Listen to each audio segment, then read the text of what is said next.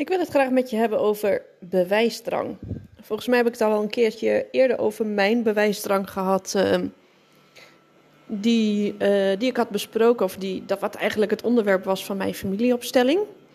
Dat ik zoiets had van: ja, waarom moet ik me toch eigenlijk altijd bewijzen in mijn leven? Waar komt dat gevoel vandaan? En uh, voor die familieopstelling moet je natuurlijk heel goed gaan nadenken over wat jouw vraag uh, is die je wil gaan stellen aan de groep. En uh, waar de familieopstelling uh, ja, voor gemaakt zal, voor zal dienen. En ik kwam er dus steeds meer achter dat ik, uh, ja, dat ik dus last heb van bewijsdrang. En dat is eigenlijk al op, op jonge leeftijd ontstaan. Ik denk al op de basisschool zelfs. Dat ja, je wordt dan op een basisschool onbewust of bewust snel vergeleken met, met, je, ja, met je broer of je zus. Ik denk dat dat bij, bij de meesten wel gebeurt. En eigenlijk is dat iets heel, heel raars als je, daar, uh, als je over nadenkt. Maar dat is iets, iets menselijks, denk ik, wat toch gebeurt. Um, en um, ja, ik werd daarin ook vaak vergeleken met mijn broer, die niet zo goed kon leren, die niet zo mooi kon schrijven. En eigenlijk werd hij heel erg naar beneden gehaald, maar ik daardoor ook. Want ik had daardoor het gevoel uh, dat ik ook minder waard was. En ik wilde juist heel erg laten zien van ja, maar ik kan wel mooi schrijven en ik kan goede cijfers halen. En dat mondde uiteindelijk ook. Uh, ik had ook goede cijfers en ik was altijd het liever, uh, lieve meisje en het brave meisje. Maar uiteindelijk heb ik mijn CITE-toets volledig uh, verknald. En daardoor moest ik in plaats van volgens mijn cijferlijst kon ik makkelijk naar de HAVO, maar daardoor moest ik naar de MAVO. Nou, mijn moeder natuurlijk hartstikke boos en uh, die heeft er alles aan geprobeerd te doen. Maar ja, uh, die CITO-toets was nou eenmaal leidend. Dus ik ging naar de MAVO. Nou, daar heb ik een half jaar op gezeten en ik verveelde me dood. En ik haalde alleen maar 9 centine, dat die leerkrachten daar ook zeiden. En toevallig waren, waren twee van de leerkrachten vrienden van mijn ouders wat enigszins hielp. En die hadden zoiets van, ja, wat doet Meike hier? Die moet echt naar de haven, want die verveelt zich hier te pletten. Zij, zij heeft hier gewoon geen uitdaging. Nou, na een half jaar ben ik doorgestroomd naar de HAVO. Dat was heel erg moeilijk. Gelukkig wel samen met een vriendinnetje. Maar je komt dan op een compleet een nieuwe school, ook een hele grote school. Want de MAVO was bij ons in het dorp. En maar de HAVO, dat was 18 kilometer verderop. Dus in plaats van op de fiets naar school, moest ik nu in één keer met de bus ook nog uh, overstappen. Was voor mij allemaal compleet nieuw.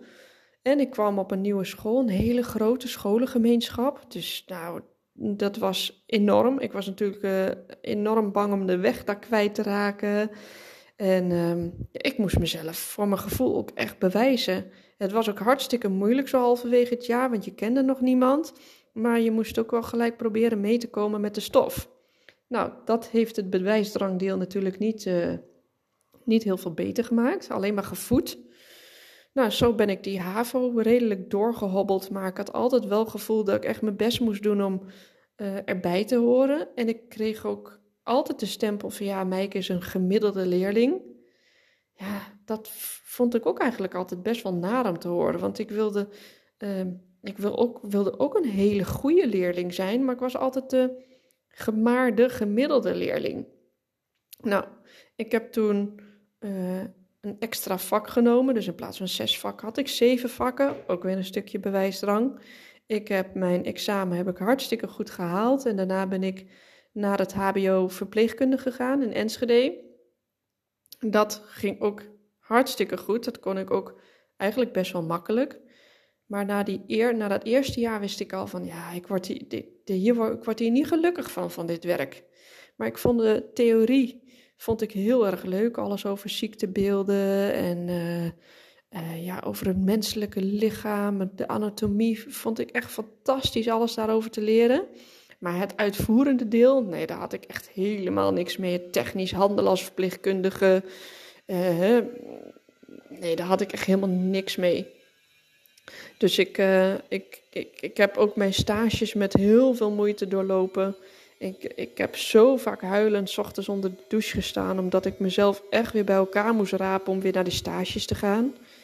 En dan kan je afvragen van, ja, waarom ging je daarmee door dan? Ja, bewijsdrang. Want ik was ergens aan begonnen en ik zei ook altijd tegen iedereen: als ik ergens aan begin, dan maak ik het ook af. Dus dat was ook mijn mantra.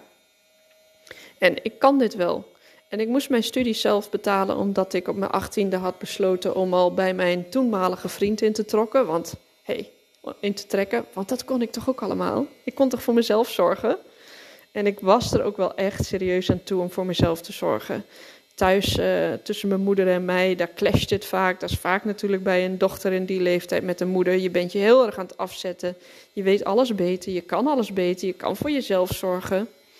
Dus het was echt ook tijd om mijn uh, vleugels uit te slaan.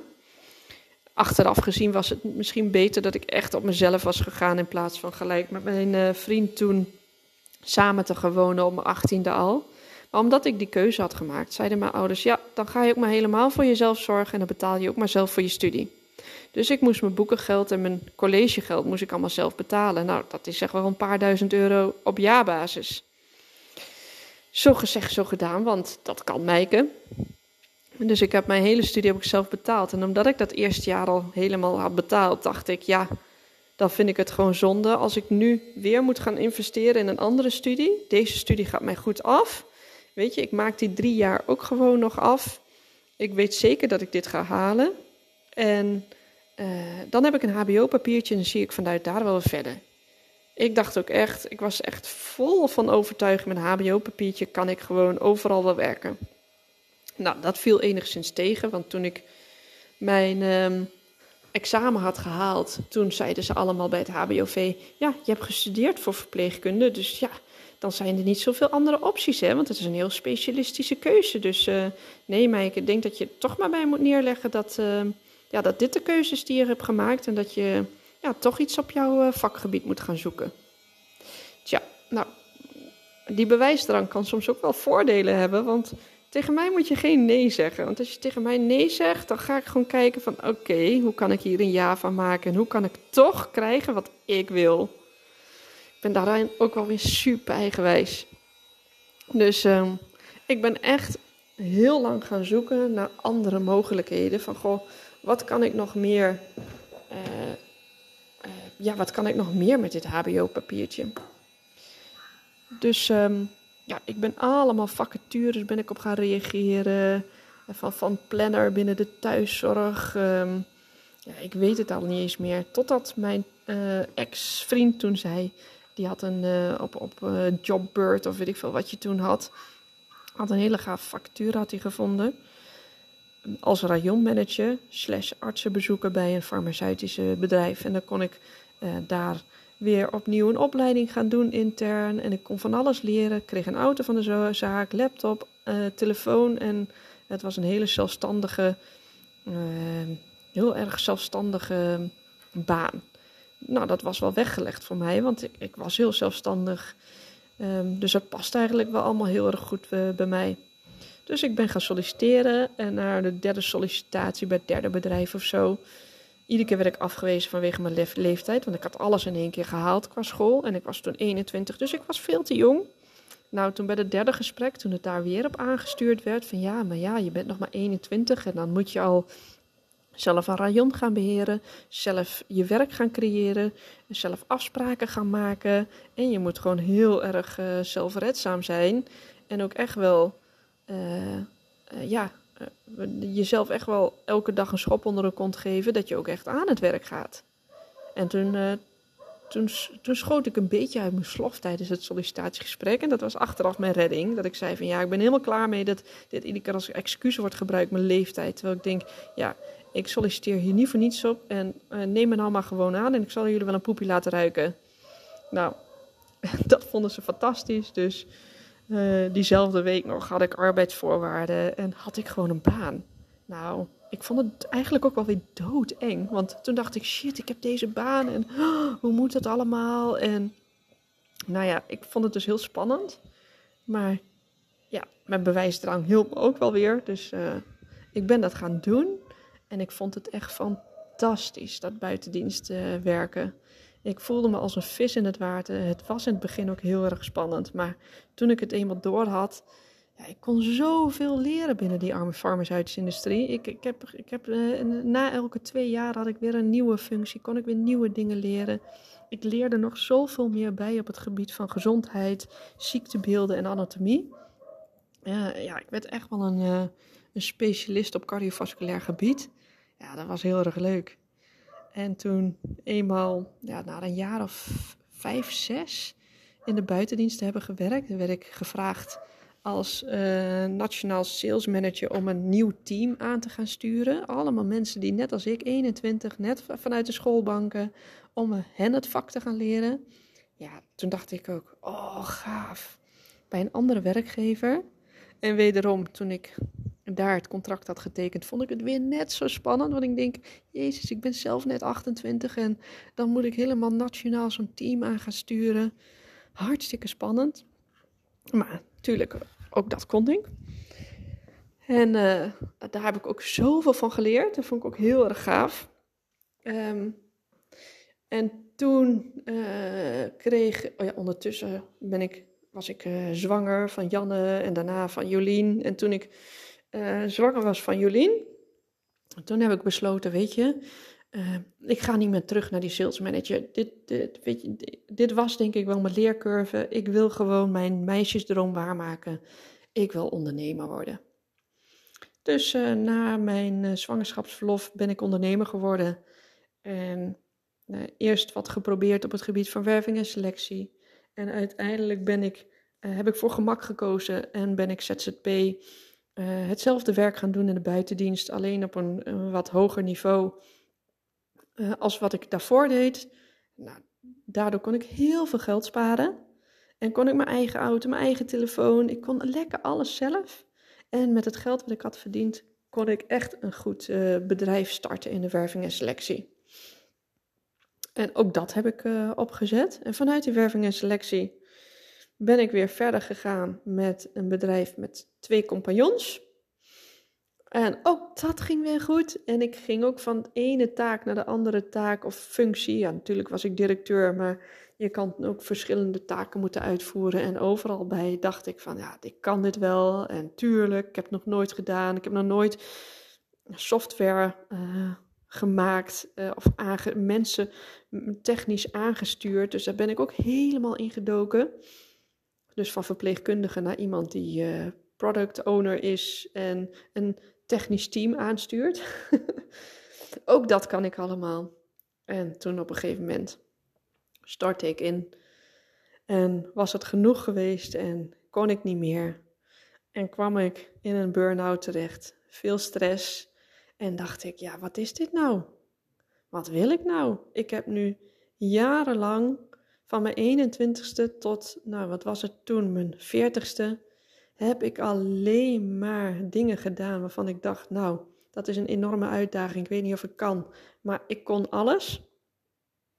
Tot op het moment dat ik dacht, ja, eigenlijk wil ik helemaal niks meer. Ik, ik wil geen uitdaging meer. En, maar hoe moet ik dan verder? Wat moet ik dan straks gaan doen? Hoe ga ik dan mijn geld verdienen? Ik had in één keer helemaal geen geld meer. Dus ja, toen in die hele periode van uh, persoonlijke ontwikkeling, stress, uh, je energielevel weer opbouwen, heel veel slapeloze nachten, depressie, angstgevoelens, uh, het echt allemaal niet meer weten, één groot gapend zwart gat, dat ik met die familieopstelling in één keer dacht van, wat is nou eigenlijk mijn vraag? Wat wil ik nou eigenlijk, wat is nou het patroon in mijn leven wat steeds weer terugkomt en welke valkuil stap ik steeds weer? En daar heb ik wekenlang over nagedacht. En ineens schoot het me te binnen en dacht ik: bewijsdrang. Dat is het.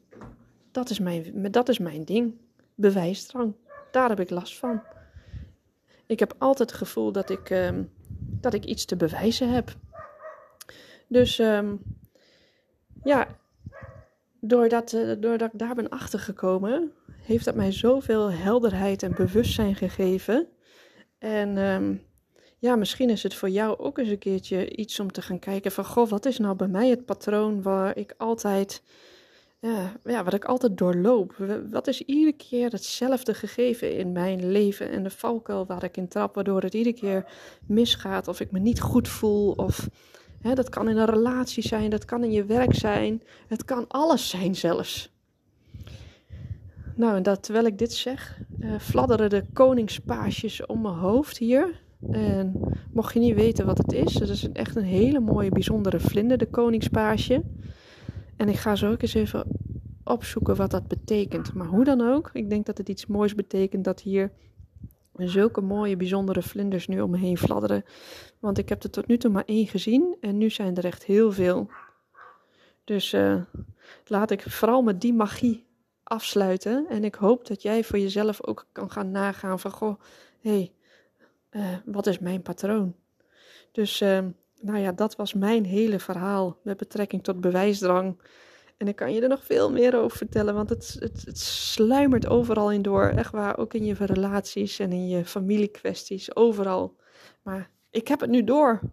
Dus ik, ik, eh, ik, ik kan er echt van leren en er van de afstand naar gaan kijken. En ik ben er nog niet altijd helemaal goed in, maar eh, als ik nu een beslissing moet maken, ga ik eerst kijken van... hey, komt dit vanuit mijn bewijsdrang of wil ik dit echt heel graag? Dus, nou, dat tot slot. Ik wens jou een hele mooie dag.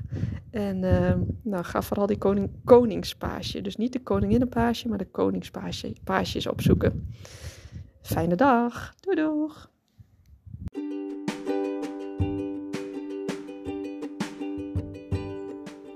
Dit was alweer het einde van de podcast. Dank dat je geluisterd hebt. Vond je het leuk? Spread the news zou ik zeggen. En ik hoop tot snel. Doei doei!